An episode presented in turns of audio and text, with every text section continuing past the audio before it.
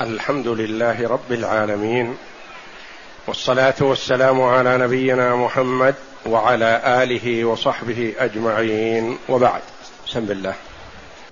بسم الله الرحمن الرحيم. قال المؤلف رحمه الله تعالى باب الهدي. باب الهدي. الهدي ما يهدى إلى بيت الله الحرام. تقربا إلى الله جل وعلا واحسانا لجيران المسجد الحرام. الهدي فيه الصدقة تقربا إلى الله والذبح عبادة لله جل وعلا لأن الذبح لغير الله شرك. والذبح لله جل وعلا عبادة له وفيها توسعة على جيران المسجد الحرام. فيتصدق عليهم بما يذبح وكذا يجوز هدي غير ذلك تطوعا.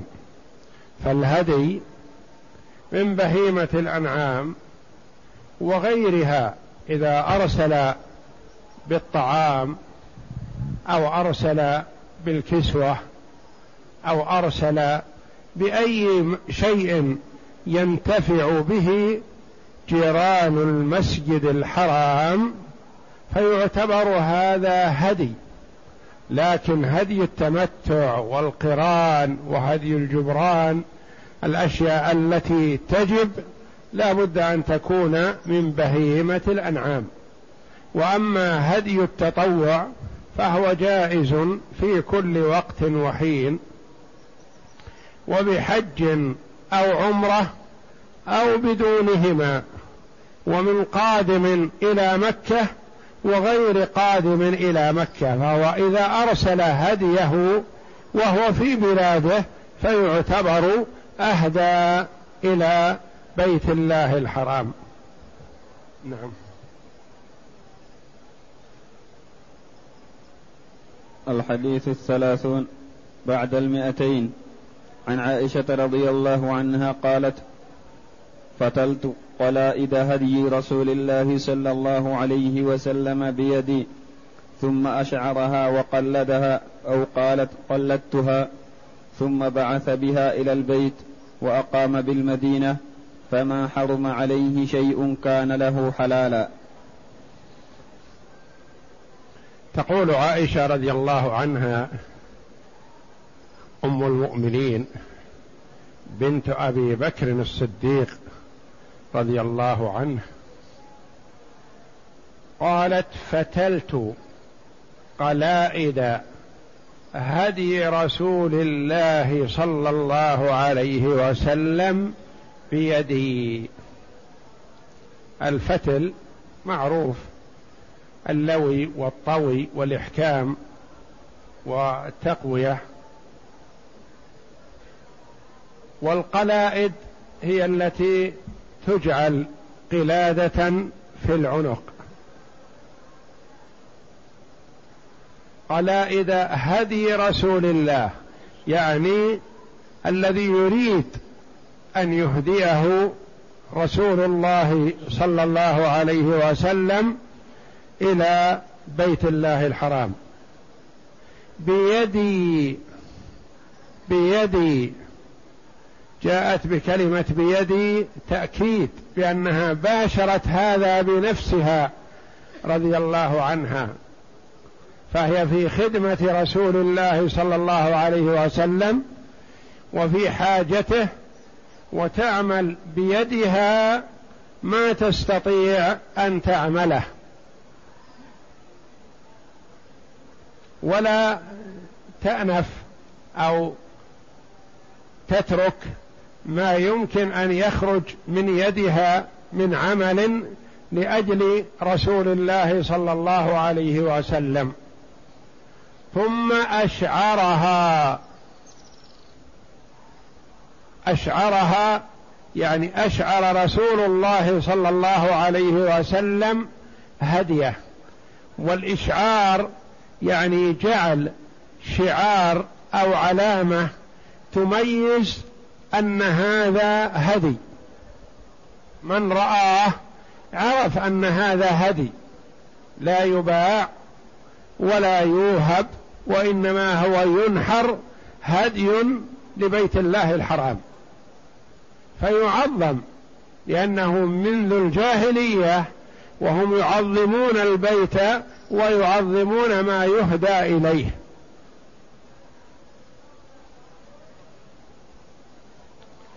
أشعرها رسول الله صلى الله عليه وسلم يعني جعل لها علامة.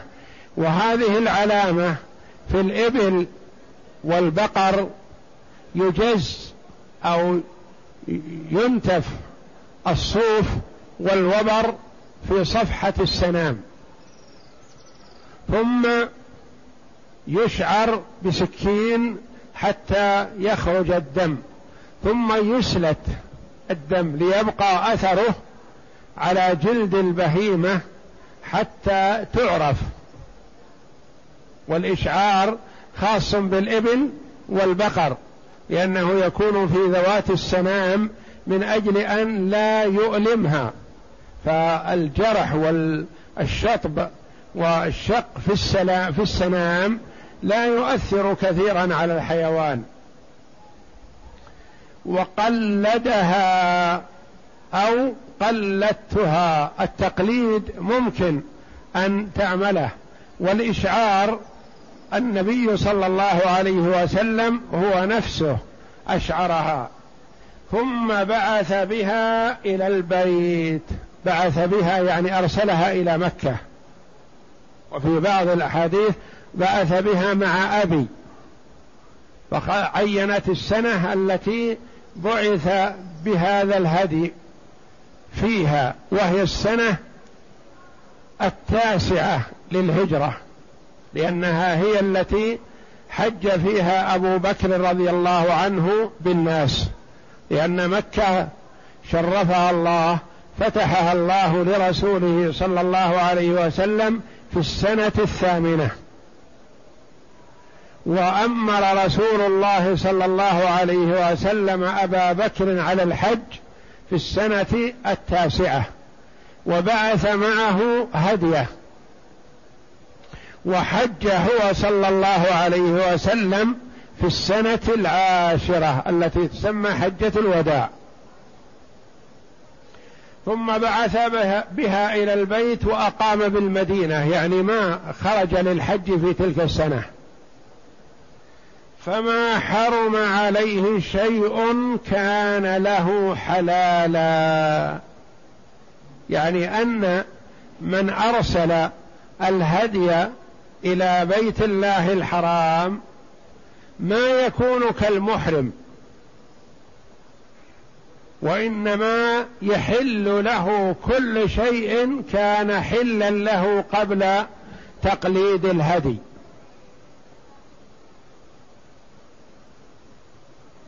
وذلك أن بعض الصحابة رضي الله عنهم قالوا إذا بعث المرء بهدي إلى بيت الله الحرام فيجب عليه أن يحرم من حين من حين بعث الهدي حتى ينحر الهدي. ويتجرد من المخيط ويكون كالمحرم. ومتى يتحلل؟ إذا نحر هديه. قول آخر لبعض الصحابة رضي الله عنهم أنه يحرم عليه النساء. الجماع والطيب والأمور التي تتعلق بالنساء حتى يذبح هديه وإن لم يتجرد من المخيط.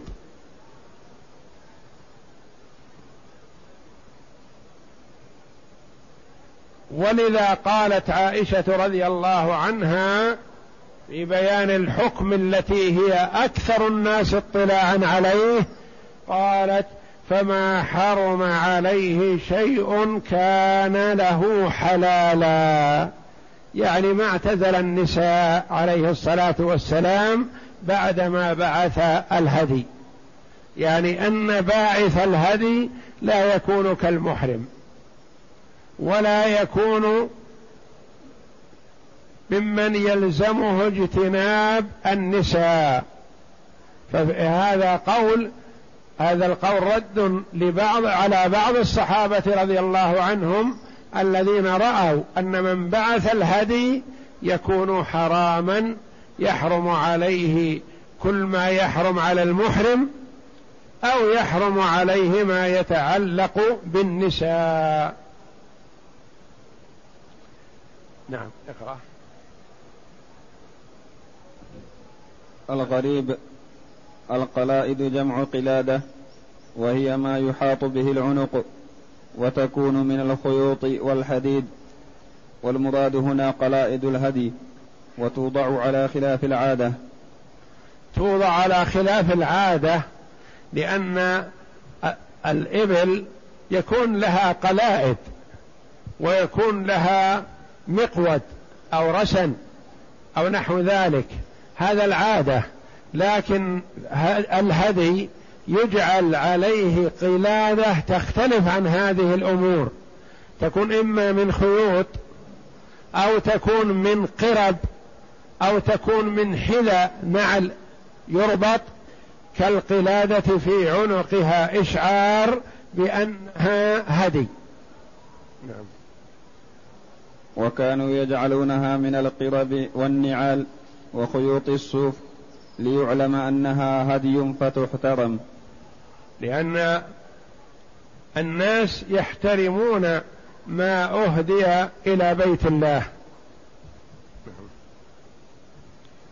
أشعرتها الإشعار معناه الإعلام والعبادات شعائر الله لأنها علامات طاعته. يقال من شعائر الله العبادة من شعائر الله لأنها تشعر أن من يعملها مطيع لله جل وعلا. والشعيرة هنا ما يهدى إلى البيت من بهيمة الأنعام فتعلم وذلك تعلم يعني يجعل عليها علامة أنها هدي. نعم. وذلك بإزالة شعر أحد جانبي سنام البدنة أو البقرة وكشطه حتى يسيل منه الدم ليعلم كشطه يعني بسكين أو حديدة أو نحوها. ليعلم الناس أنها مهداة إلى البيت فلا يتعرضوا لها. فتلت أي لويت. لويت. لويت. المعنى الإجمالي كان النبي صلى الله عليه وسلم يعظم البيت العتيق ويقدسه. فكان إذا لم يصل إليه. وتعظيم البيت يكون لمن هو حوله وعنده ومن هو بعيد عنه كذلك. نعم. فكان إذا لم يصل إليه بنفسه بعث إليه الهدي تعظيما له وتوسعة يعني هذا من ما يستفاد من الهدي تعظيما له يعني بيت الله الحرام. نعم. وتوسعة على جيرانه. يقدم لهم لحم الهدي. نعم. وكان إذا بعث الهدي أشعرها وقلدها ليعلم الناس أنها هدي إلى البيت الحرام فيحترموها ولا يتعرضوا لها بسوء. فذكرت عائشة رضي الله عنها تأكيدا للخبر أنها كانت تفتل, تفتل قلائدها. وكان إذا بعث بها وهو مقيم في المدينة لا يجتنب الأشياء التي يجتنبها المحرم من النساء والطيب ولبس المخيط ونحو ذلك بل يبقى محلا لنفسه كل شيء كان حلالا له. ما يؤخذ من الحديث أولا استحباب بعث الهدي. هذا الحديث له سبب وذلك أن زياد بن أبي سفيان المسمى زياد بن أبيه يقول كان بعث هديا إلى بيت الله الحرام وأرسل إلى أم المؤمنين عائشة يسألها يقول اكتبي لي. فقد زعم ابن عباس أن من بعث هديه يبقى حراما حتى ينحر هديه. فكتبت له رضي الله عنها بأنها بهذا الحديث. استحباب بعث الهدي إلى البيت الحرام من البلاد البعيدة ولو لم يصحبها المهدي. يعني ولو لم يأتي المرء مثلا جاء صديق له إلى مكة فيرسل معه هدي أو يرسل معه صدقة إذا توزع في بيت الله الحرام. يعتبر هذا من الهدي. نعم. لأن الإهداء إلى بيت إلى البيت صدقة على مساكين الحرم وتعظيم للبيت وتقرب إلى الله تعالى بإراقة الدماء في طاعته. لأن إراقة الدماء في طاعة الله عبادة لله توحيد. نعم. ثانيا استحباب إشعار الهدي وتقليده بالقرب والنعال ولحاء الشجر مما هو خلاف عادة الناس ليعرفوه فيحترموه. استحباب إشعار الهدي وتقليده. الإشعار فيه مصلحة وفيه شيء من المضرة. لكن المصلحة راجحة على المضرة. فيتساهل في هذه المضرة التي تحصل من أجل عظم المصلحة التي تحصل. وذلك أن كشط جلد الحيوان فيه مضرة عليه.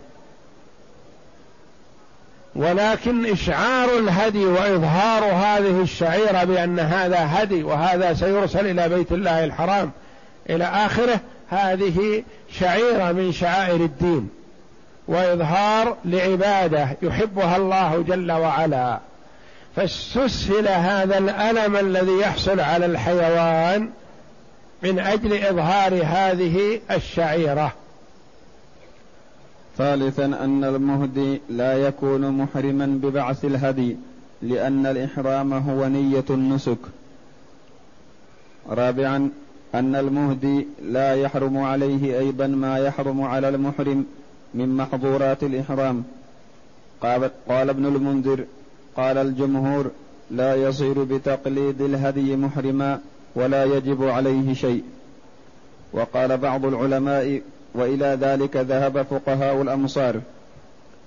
خامسا جواز التوكيل في سوقها إلى الحرم وذبحها وتفريقها.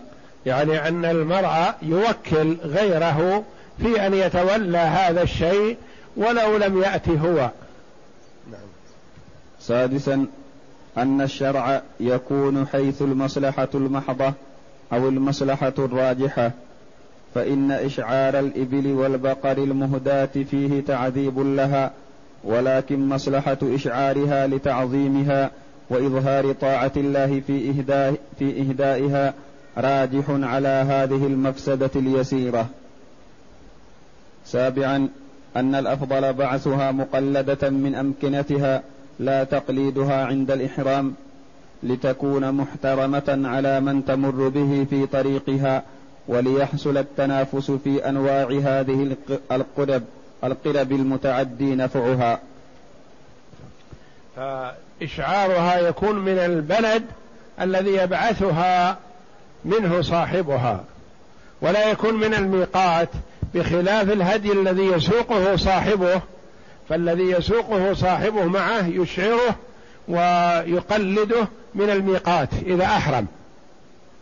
أما الهدي الذي يبعث به المرء وهو باق في بلده فهذا يشعره من بلده الذي يبعثه به ولو كان بعيدا عن الميقات. مثلا كان يرسله من الشام أو من مصر أو من أي جهة من الجهات مثلا يرسل هديه من هناك ويشعره من بلده. الحديث الحادي والثلاثون بعد المئتين. عن عائشة رضي الله عنها قالت أهدى النبي صلى الله عليه وسلم مرة غنما.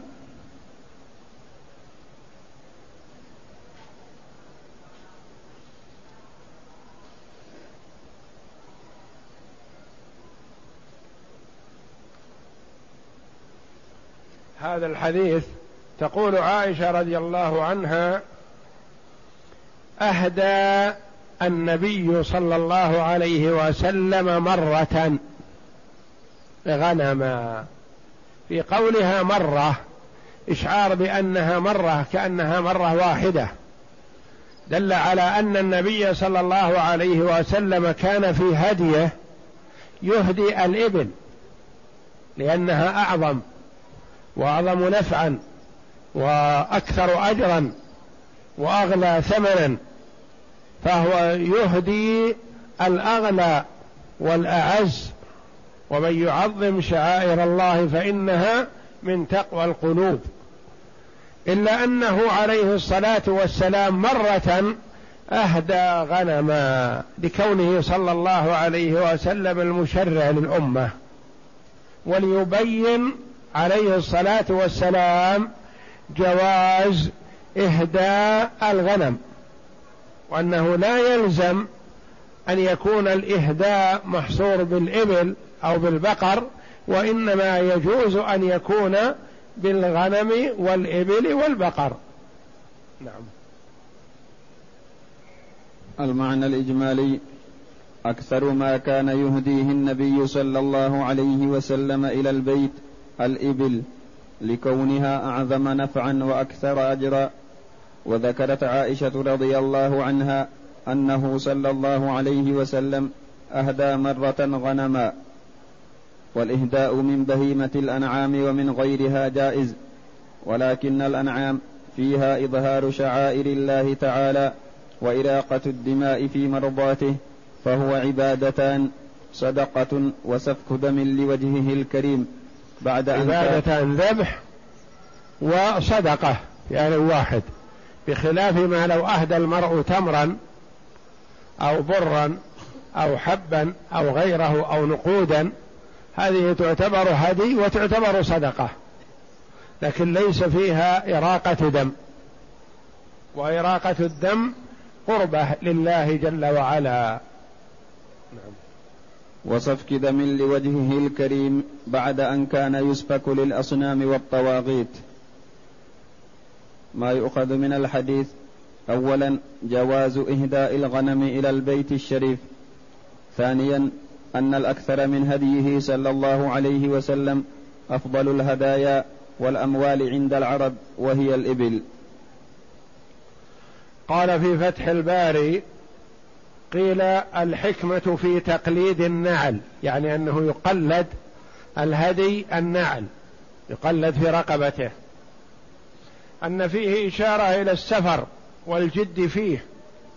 وقال ابن المنير الحكمة فيها أن العرب تعتد النعل مركوبة لكونها تقي عن صاحبها وتحمل عنه وعر الطريق. وقد كنا بعض الشعراء عنها بالناقة يعني يسمى الحذاء ناقة لأنها مركوبة. فكأن الذي أهدى خرج عن مركوبه لله تعالى حيوانا وغيره كما خرج حين أحرم عن ملبوسه ومن ثم استحب تقليد نعلين لا واحدة. وهذا هو الأصل في نذر المشي حافيا إلى مكة. اقرأ. الحديث الثاني والثلاثون بعد المئتين. عن أبي هريرة رضي الله عنه أن نبي الله صلى الله عليه وسلم رأى رجلا يسوق بدنه. قال اركبها. قال إنها بدنه. قال اركبها. فرأيته راكبها يساير النبي صلى الله عليه وسلم. وفي لفظ قال في الثالثة أو الثانية اركبها ويلك أو ويحك. حديث أبي هريرة رضي الله عنه يقول أن نبي الله صلى الله عليه وسلم رأى رجلا يسوق بدنة. يعني يمشي والبدنة أمامه يسوقها. قال له النبي صلى الله عليه وسلم اركبها. كيف تمشي وبين يديك البدنة؟ اركبها. قال إنها بدنة يعني هدي. فكانوا في الجاهلية يعظمون الهدي وإذا أهدوا لا يركبونه ولا يحلبونه ولا يستفيدون منه بشيء حتى ينحر لمن ينحر له.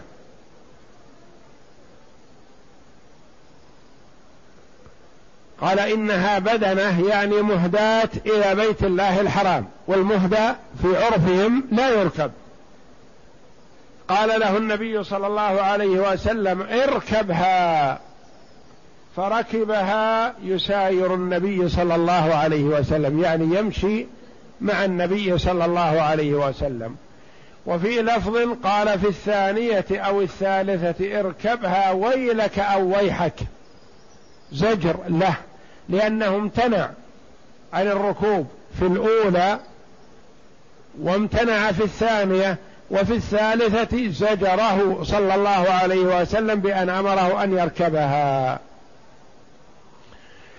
وهذا الحديث دل على أنه يجوز ركوب ما يهدى إلى بيت الله الحرام.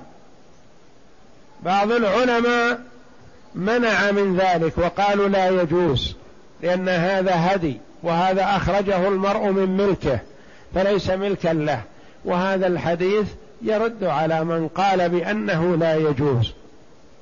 وبعضهم قال يجوز مطلقا وهذا الحديث قد يؤخذ منه أنه يجوز ركوب الهدي عند الحاجة. لأن هذا الرجل يسوقها يسوق هذه البدنة وليس معه غيرها. فالرسول صلى الله عليه وسلم عرف أنه في حاجة إلى ركوبها فأذن له. فإذا كان مع المرء غيرها فلا يركبها. وإذا كان مضطرا إلى ذلك فيركبها. نعم. الغريب أولا بدنة بفتح الباء والدال تطلق على الإبل والبقر لعظم أبدانها وضخامتها. يقال بدنة ما يقال للشاة بدنة وإنما يقال للإبل والبقر. نعم. والمراد أكثر إطلاقها على على الإبل وإطلاقها على البقر تبعا. نعم. والمراد هنا الناقة المهداة إلى البيت ليستقيم الجواب. ثانيا ويلك من الويل وهو الهلاك.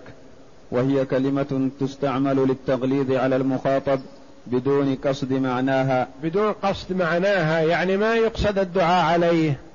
مثل قول صلى الله عليه وسلم تربت يداك. مثلا كلمات تأتي على الألسنة ما يقصد بها الدعاء عليه وإنما جرت على الألسنة. ومثل قول قول النبي صلى الله عليه وسلم لمعاذ ثكلتك أمك يا معاذ وهل يكب الناس في النار على وجوههم أو قال على مناخرهم إلا حصائد ألسنتهم؟ فكلمة ويلك وويحك يقولها المرء لصاحبه وهو لا يقصد الدعاء عليه. وإنما تجري على ألسنة العرب في الخطاب لمن وقع في مصيبة فغضب عليه. ويحك كلمة يؤتى بها للرحمة والرثاء لحال المخاطب الواقع في مصيبة. وويل وويح مصدران يقدر فاعلهما دائما. المعنى الإجمالي ما أهد ما أهدي إلى البيت لا ينتفع منه بشيء مع عدم الحاجة إليه لأنه أخرج لوجه الله فلا يرجع إليه. لأنه أخرج لوجه الله فلا يرجع فلا يرجع إليه. فلا يرجع إليه. فلا يرجع إليه. فإن كان ثم حاجة إلى ركوبه أو حلبه فلا بأس. ما دام ذلك لا يضره. ولهذا لما رأى صلى الله عليه وسلم رجلا يسوق بدنه هو في حاجة إلى ركوبها رخص له في ذلك وأمره به. ولكون الهدي معظما عندهم لا يتعرض له. قال إنها بدنة مهداة إلى البيت. فقال اركبها وإن كانت مهداة إلى البيت. فعاوده الثانية والثالثة فقال اركبها مغلظا له الخطاب. ما يؤخذ من الحديث أولا تعظيم العرب للهدي واحترامه في قلوبهم ثم جاء الإسلام فزاد من احترامه. ثانيا جواز ركوبه وحلبه مع الحاجة إلى ذلك بما لا يضره وهذا أعدل المذاهب. وفيه تجتمع الأدلة. يعني لا يرخص في ركوبه مطلقا ولا يمنع من ركوبه مطلقا وإنما إذا وجد حاجة فيركب أو يحلب وإذا لم يوجد حاجة واستغني عنه فيوفر. ثالثا إنما قيدناه بالحاجة وعدم الضرر لما روى مسلم عن جابر رضي الله عنه قال سمعت رسول الله صلى الله عليه وسلم يقول اركبها بالمعروف إذا ألجأت إليها حتى تجد ظهرا. هذا يدل على أن الركوب والاستعمال لها عند الحاجة إلى ذلك. رابعا أخذ من هذا الحديث أخذ من هذا الحديث البخاري رحمه الله تعالى جواز انتفاع الواقف بوقفه وهذا إذا كان الوقف لعموم المسلمين أو لصنف من أصناف المسلمين وهو ضمنهم مثل من يبني المسجد ويصلي فيه ومن يحفر البئر صدقة ويجعلها وقفا ويستقي منها كغيره وهكذا. فيجوز للمرء أن ينتفع بوقفه وإن كان أخرجه لله صلى الله وسلم وبارك على عبده ورسول نبينا محمد وعلى آله وصحبه أجمعين.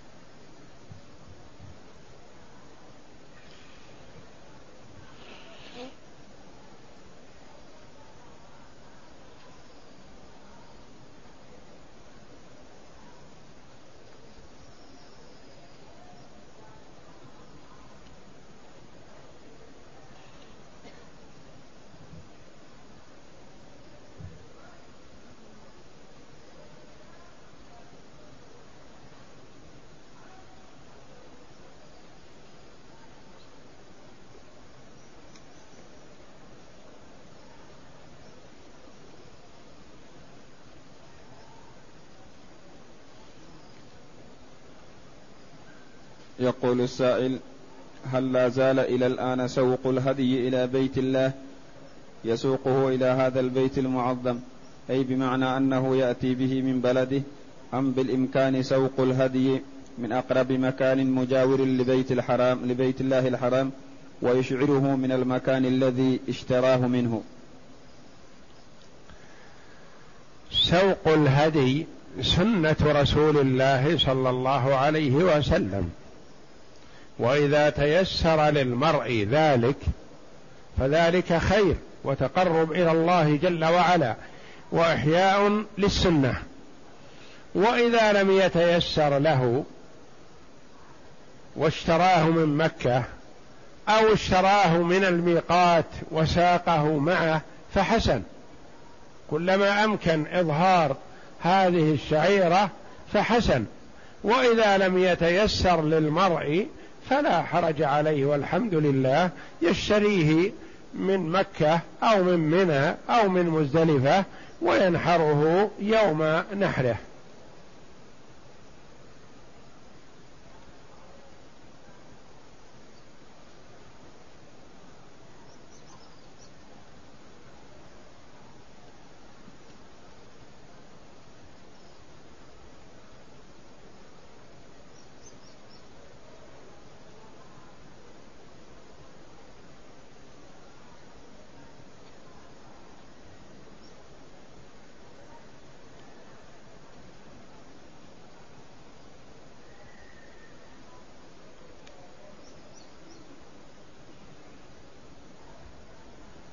يقول هل يجوز أن أجمع سنة الطواف مع سنة العشاء.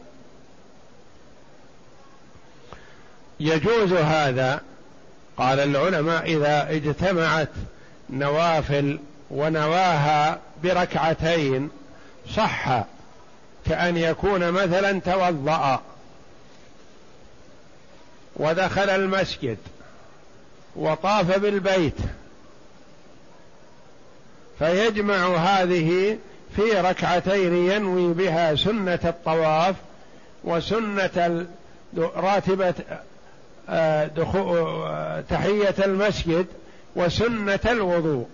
يجمعها معا في ركعتين.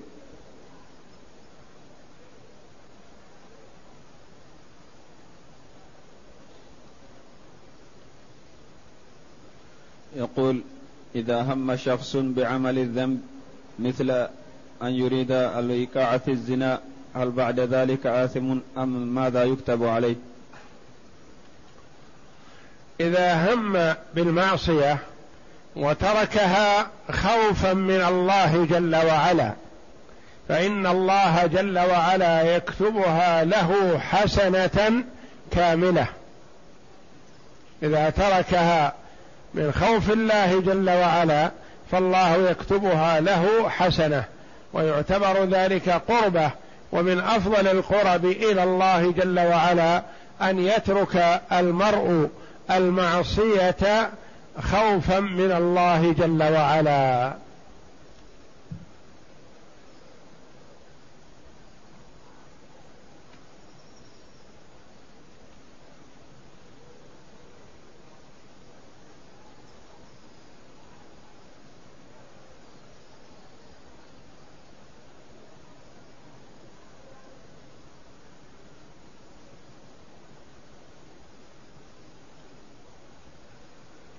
يقول شخص خرج من بلده لطلب العلم الشرعي والآن غير رأيه ويعمل في التجارة. هل الانشغال بالعلم أفضل أم العمل؟ التوجه لطلب العلم الشرعي قربة وعبادة لله جل وعلا. ومن أفضل القرب الذي قال عنه العلماء قال الإمام أحمد رحمه الله طلب العلم لا يعدله شيء لمن صحت نيته فهو من أفضل القرب وأحبها إلى الله جل وعلا. ومن خرج في طلب العلم فهو في سبيل الله حتى يرجع. والملائكة تضع أجنحتها لطالب العلم رضا بما يصنع. فإذا خرج لطلب العلم فتلك نية حسنة يثاب عليها. فإذا استمر عليها فحسن وإن لم يستمر عليها فلا يقال إنه يأثم أو عصى. هو أقدم على طاعة لكنه ما استمر فيها. فلا إثم في عدوله عن هذا لكنه ترك الأفضل. وإذا أمكنه أن يجمع بين العمل وطلب العلم فذلك خير لأن العمل يغنيه عن السؤال وعن التعرض للناس وطلب العلم فيه الفقه في دين الله جل وعلا ليعبد الله على بصيرة.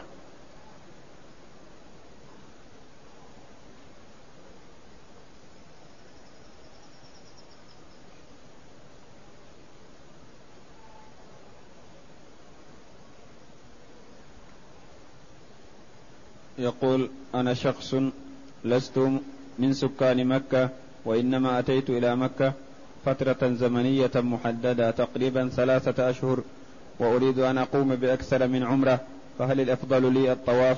أم لا بد أن أن أحرم للعمرة سواء من التنعيم أو من ميقات بلدي؟ إذا دخل الإنسان مكة بعمرة وتحلل منها فلا يحسن أن يخرج للإتيان بعمرة أخرى. وإنما يكثر من الطواف بالبيت شرفه الله. وأفضل أعمال العمرة هو الطواف.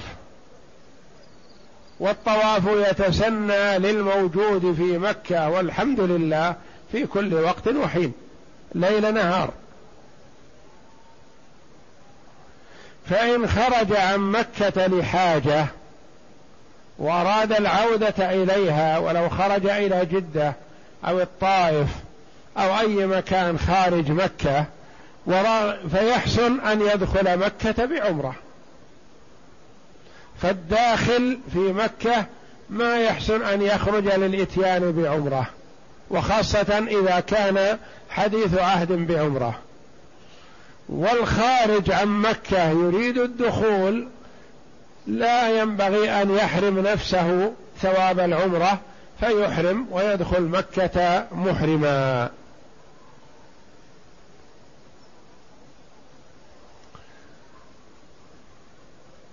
وكما عرفنا أفضل أعمال العمرة الطواف. فلو أن المرء إذا هم أن يخرج للإتيان بعمرة صرف الوقت هذا كله في الطواف لحصل على خير كثير. وإذا طال بقاؤه في مكة ورغب أن يأتي بعمرة فلا لوم ولا إثم عليه ولا حرج في هذا لأنه ورد أن أنس بن مالك رضي الله عنه صاحب رسول الله صلى الله عليه وسلم الذي خدم النبي صلى الله عليه وسلم عشر سنين كان إذا حمم رأسه يعني إسود ونبت شعر الرأس خرج رضي الله عنه إلى الحل واعتمر.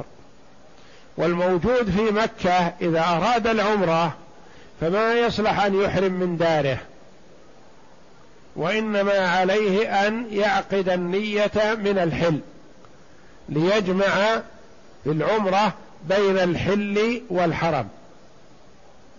أما لبس الإزار والرداء فلا بأس أن يلبسها في داره لكن لا يعقد النية إلا من خارج الحرم من التنعيم أو من الشرائع أو من طريق الليث أو من طريق جدة أو من أي مكان خارج الحرم. لبس الإزار والرداء في أي مكان لا بأس عليه. لكن يعقد النية خارج الحرم ويدخل مكة محرما. أما إذا أحرم من داخل مكة وجب عليه هدي لأنه ترك واجب من واجبات العمرة وهو الإحرام من الحل. فالعمرة يلزم أن يكون إحرامها من الحل ولا يجوز من الحرم لأنه لا بد في كل نسك أن يجمع بين الحل والحرم.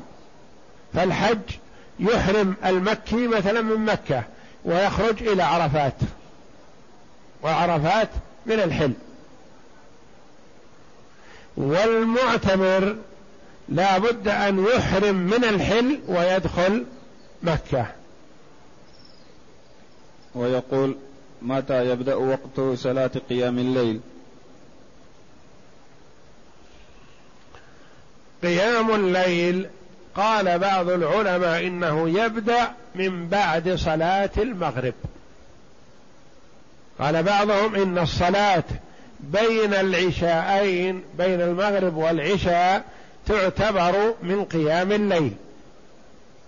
هذا قيام الليل. أما الوتر فوقته من بعد صلاة العشاء ولو مجموعة مع المغرب إلى طلوع الفجر.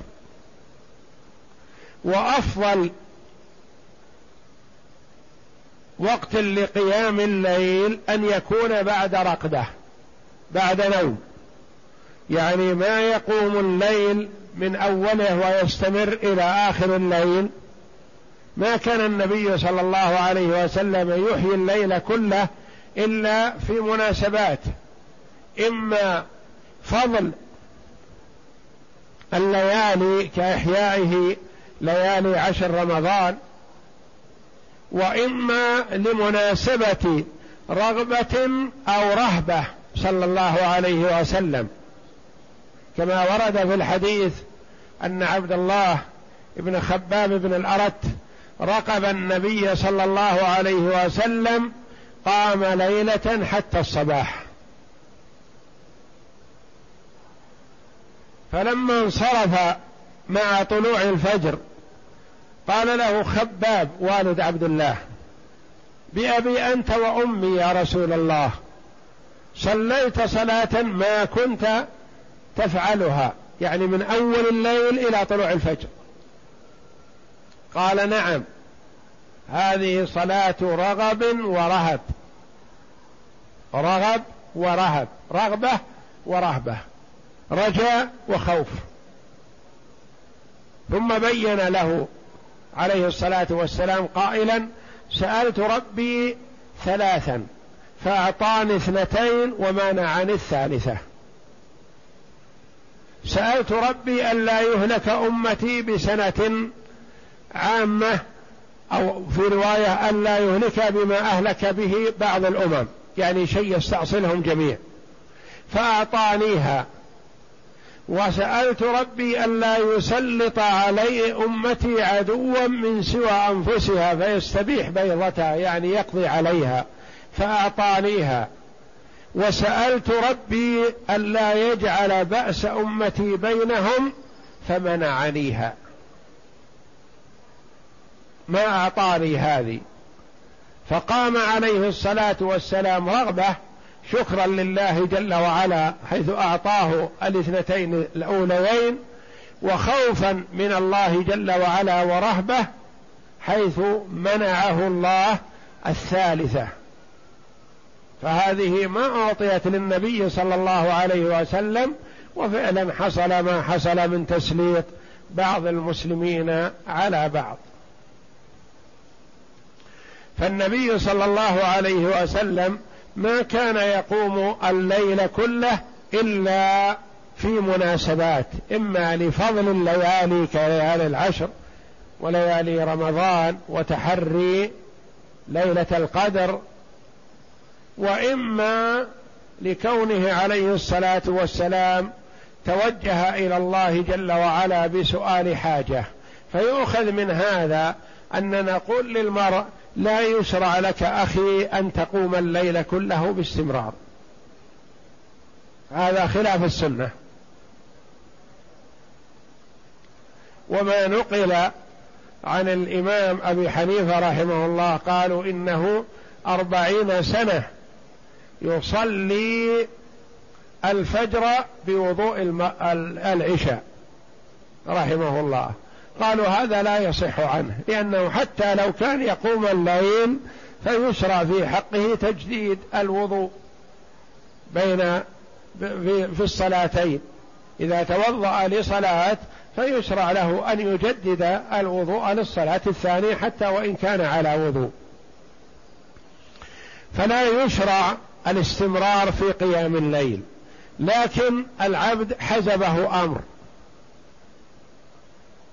هم مرض حاجة فقر اشتباه في موضوع ما عليه فأحيا الليل يسأل الله جل وعلا ما أحب فله ذلك ولا لوم عليه.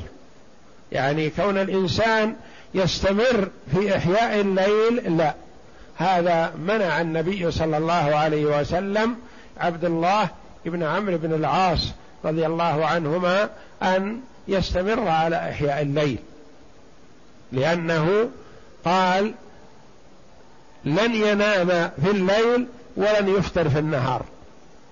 فنهاه النبي صلى الله عليه وسلم عن ذلك وبدا معه في التدرج شيئا فشيئا حتى أذن له في أن يصوم يوما ويفطر يوما وأذن له أن يقوم أن ينام نصف الليل ويقوم ثلثه وينام سدسه.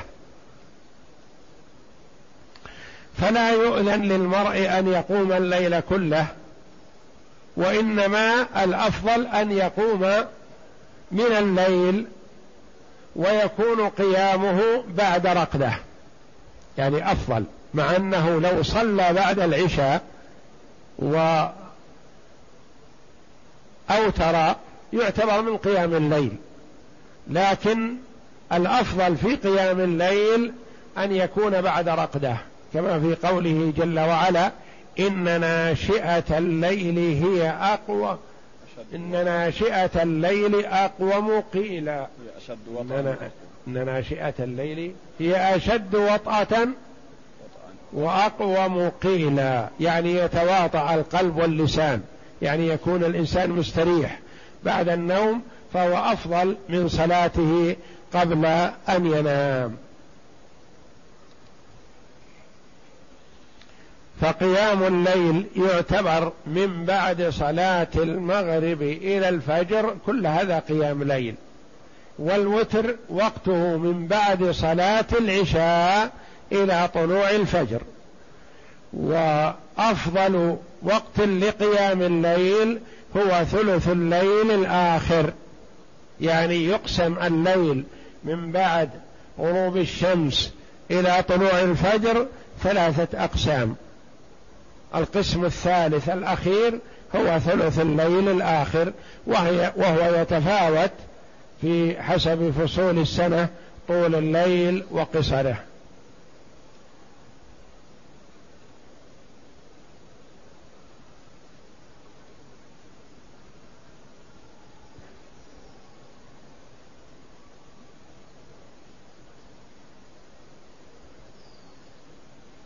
يقول نسمع من بعض الناس أن شرب الدخان مكروه وليس بحرام فما هو الصحيح؟ الدخان خبيث ولا يشك عاقل بخبثه وضار ولا يشك عاقل بضرره. والله جل وعلا وصف نبينا محمدا صلى الله عليه وسلم بأنه يحل لنا الطيبات ويحرم علينا الخبائث. فهو بلا شك أنه ليس من الطيبات وإنما هو من الخبائث.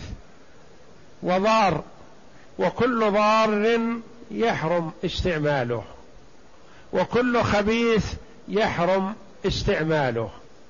فإذا خبث الشيء حتى لو لم يكن فيه ضرر واضح فلا يجوز للمسلم أن يستعمله. والضار حتى لو لم يكن خبيث فإنه يحرم استعماله. مثال ذلك مثلا التراب. سماه الله جل وعلا طهور. ويتطهر به عند عدم الماء. لو أن شخصا بدأ يأكل التراب هل يباح له ذلك؟ يحرم عليه. لما؟ لأن التراب خبيث؟ لا هو خبيث. طيب الله جل وعلا قال فتيمموا صعيدا طيبا. وهو طيب.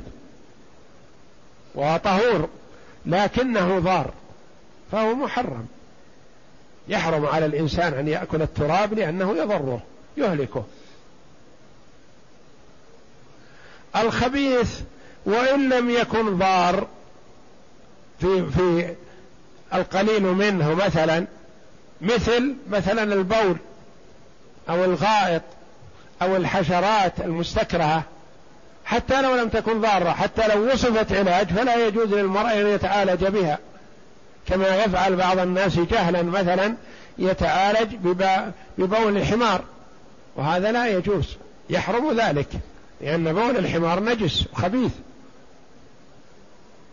فيحرم استعماله. بخلاف بول ما يؤكل لحمه فإنه طاهر. فالإبل يتعالج ببولها. كما أرشد النبي صلى الله عليه وسلم العرنيين بأن يلحقوا بإبل الصدقة فيشربوا من أبوالها وألبانها لما استوخموا المدينة. ما ناسبهم هوى المدينة. أمرهم النبي صلى الله عليه وسلم أن يلحقوا بإبل الصدقة فيشربوا من أبوالها وألبانها فصحوا. لكنهم كفروا النعمة قتلوا الراعي واستاقوا الإبل. فأخبر النبي صلى الله عليه وسلم عنهم فأرسل إليهم فجيء بهم. فسمرت أعينهم وتركوا في الحرة يستسقون فلا يسقون لأنهم فعلوا بالراعي كذلك. فاقتص منهم النبي صلى الله عليه وسلم. فبول ما لا يؤكل لحمه نجس. فمثلا لو وصف لبعض الناس مثلا يشرب من بول الحمار فلا يجوز بل يحرم هذا. بخلاف بول الخيل والإبل والبقر والغنم إذا وصفت فهي مباحة لأنها طاهرة. وكذلك الدخان جمع الاثنين فهو خبيث وضار في البدن وضار ضرره معلوم فهو إذن محرم ولا يصح أن يقال عنه إنه مكروه وإنما هو محرم لأن المكروه يجوز للإنسان أن يأكله ولا إثم في أكله. لكن ترك أكله أولى مثلا. لكن المحرم لا يحرم على الإنسان استعماله. فهو خبيث وذار والنبي صلى الله عليه وسلم وصفه الله جل وعلا بقوله يحل لهم الطيب الذين يتبعون الرسول النبي الأمي الذي يجدونه مكتوبا عندهم في التوراة والإنجيل يأمرهم بالمعروف وينهاهم عن المنكر ويحل لهم الطيبات ويحرم عليهم الخبائث.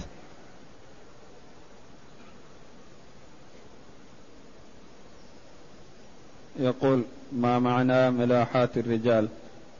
ملاحاة الرجال مخاصمتهم يعني ومجادلتهم.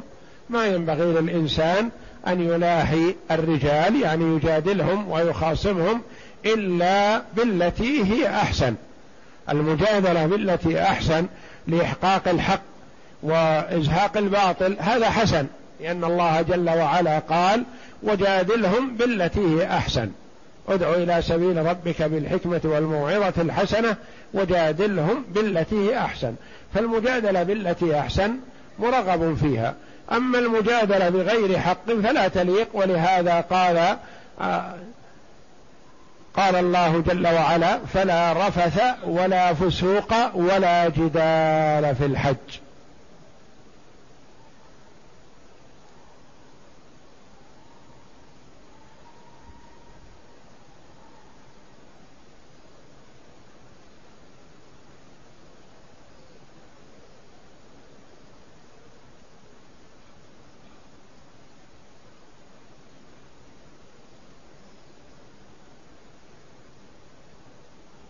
هذا يسأل عن حضانة بنت صغيرة. الحضانة للأم وإذا ماتت الأم فالحضانة لأمها أو أمهاتها وإن علونا فإذا لم يوجد فالحضانة للأب وهكذا تنتقل الحضانة من واحد إلى واحد. فإذا تراضوا على واحد منهم فحسن وإذا لم يحصل تراضي فالرجوع إلى المحكمة لتنظر الأصلح للمحظون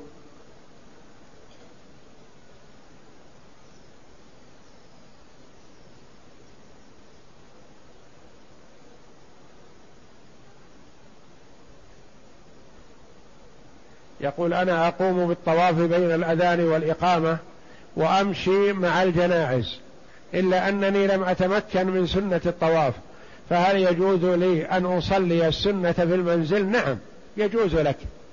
سبق أن قلنا أكثر من مرة إن سنة الطواف خلف المقام أو في أي مكان من المسجد الحرام أو في المنزل أو خارج المنزل. فقد روي أن عمر رضي الله عنه طاف طواف الوداع وخرج مسافرا إلى المدينة فصلى سنة الطواف بذي طوى يعني خارج المدينة مكة خلف الزاهر.